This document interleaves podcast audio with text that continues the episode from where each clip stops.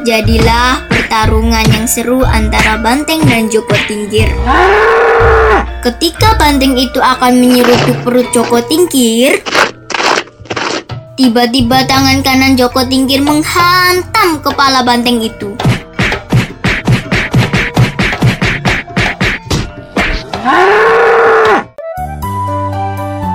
Dongeng pilihan orang tua.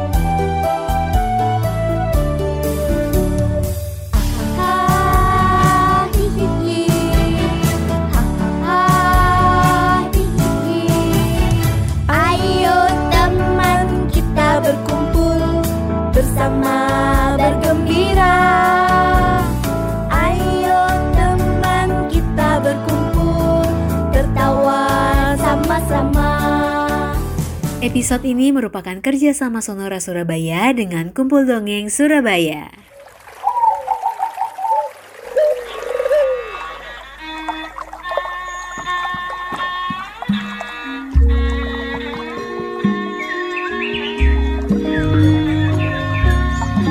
Banyu Biru adalah nama desa terpencil di suatu kota di Jawa Tengah.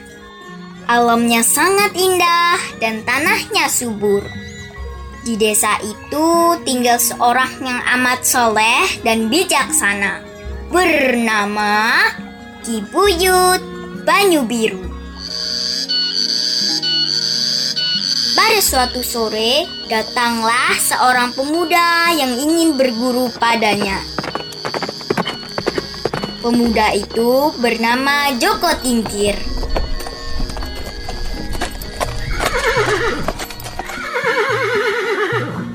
Apakah benar saya sedang berhadapan dengan Ki Buyut Banyu Biru?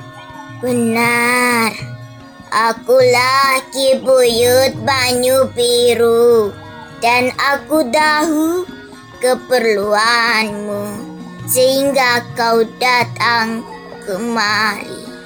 Maksud kedatangan Joko Tingkir adalah ingin memohon ampunan dari Sultan Demak untuk menebus kesalahan karena telah membinasakan Dadung Awuk. Di rumah Ki Buyut Banyu Biru, selain Joko Tingkir, ternyata ada pemuda lain bernama Mas Manca yang tinggal di sana.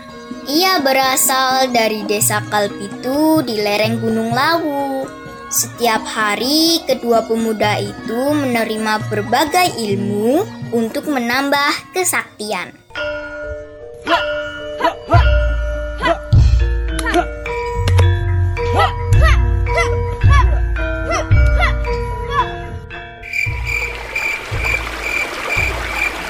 Mulai tengah malam ini, kalian harus bertahan berendam di air sungai yang dingin ini.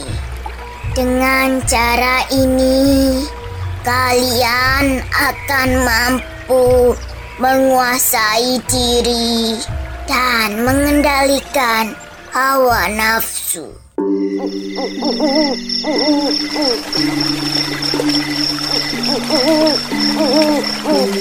Kedua pemuda itu akhirnya menjalankan perintah Ki Buyut Banyu Biru tanpa mengeluh.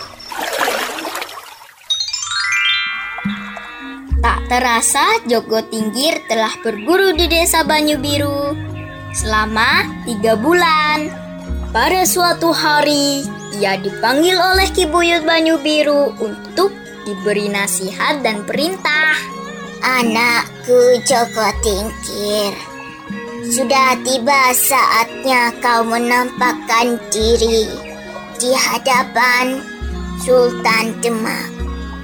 Ini, terimalah segenggam tanah bila kelak kau berjumpa dengan Panteng. Masukkan tanah ini ke dalam mulutnya. Banteng itu akan mengamuk dan lari ke alun-alun Prawata. Saat itulah Sultan akan memanggilmu. Joko Tingkir mendengarkan ucapan yang disampaikan Ki Buyut Banyu Biru. dengan seksama. Kemudian ia pamit dan memohon restu Ki Buyut Banyu Biru.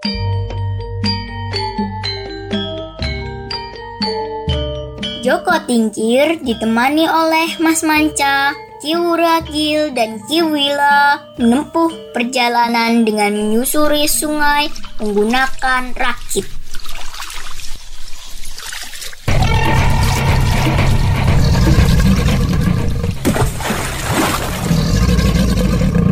Awas ada buaya! Joko Tingkir berteriak. Mereka tidak menyadari. Ternyata rakitnya telah dikerumuni oleh sekawanan buaya.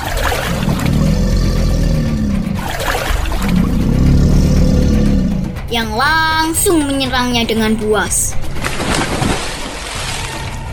Dengan gagah berani mereka melawan dan mengalahkan buaya-buaya itu.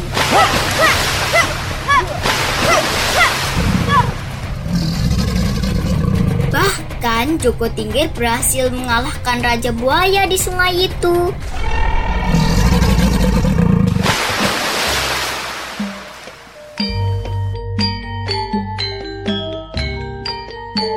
Sebagai pengakuan kekalahannya, maka sebanyak 40 ekor buaya berbaris menumpang rakit yang ditumpangi Joko Tingkir beserta kawan-kawannya.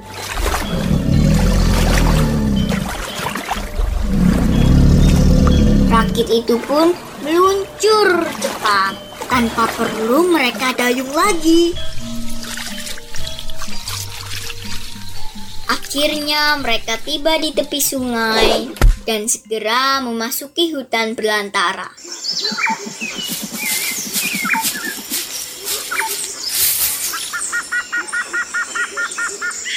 Tiba-tiba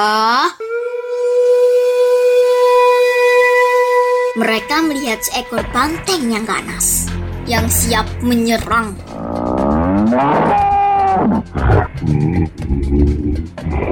Joko Tingkir segera memasukkan tanah yang diberikan oleh Kibuyut Banyu Biru ke dalam mulut banteng.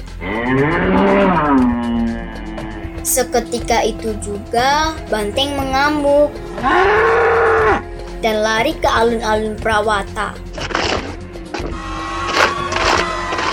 Awas, ada banteng mengamuk. Para penduduk berteriak sambil berlarian menyelamatkan diri.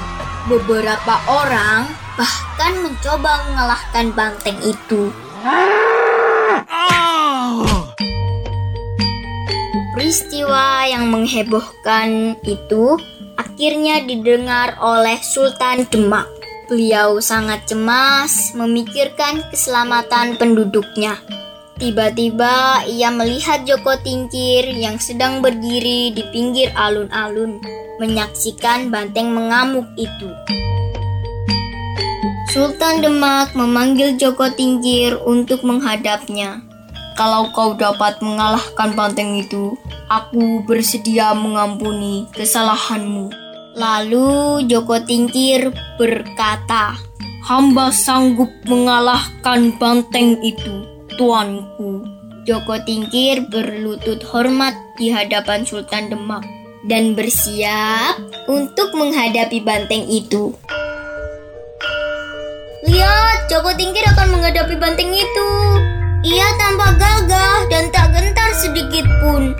Yak, seorang prajurit Demak yang terkagum-kagum melihatnya. Joko Tingkir segera memasuki tengah alun-alun dan siap untuk bertempur. Kedatangannya langsung menarik perhatian banteng ganas itu. Banteng itu mendengus dan siap menyeruduk dengan tanduknya yang tajam.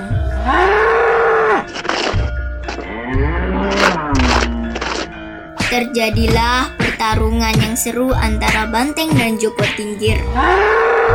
Ketika banteng itu akan menyerutu perut Joko Tingkir, tiba-tiba tangan kanan Joko Tingkir menghantam kepala banteng itu.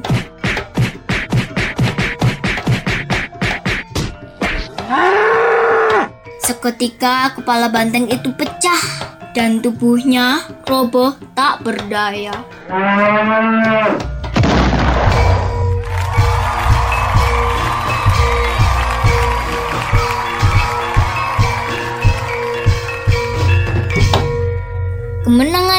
Disambut dengan sorak-sorai penduduk yang menyaksikan keberaniannya.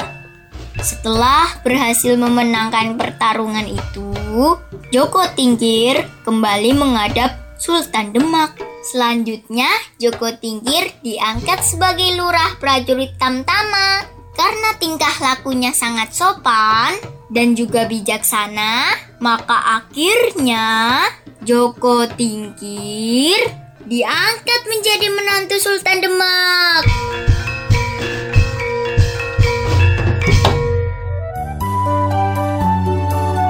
Hai teman-teman, terima kasih sudah mendengarkan dongeng pilihan orang tua. Sampai berjumpa di dongeng berikutnya ya teman-teman. Dadah!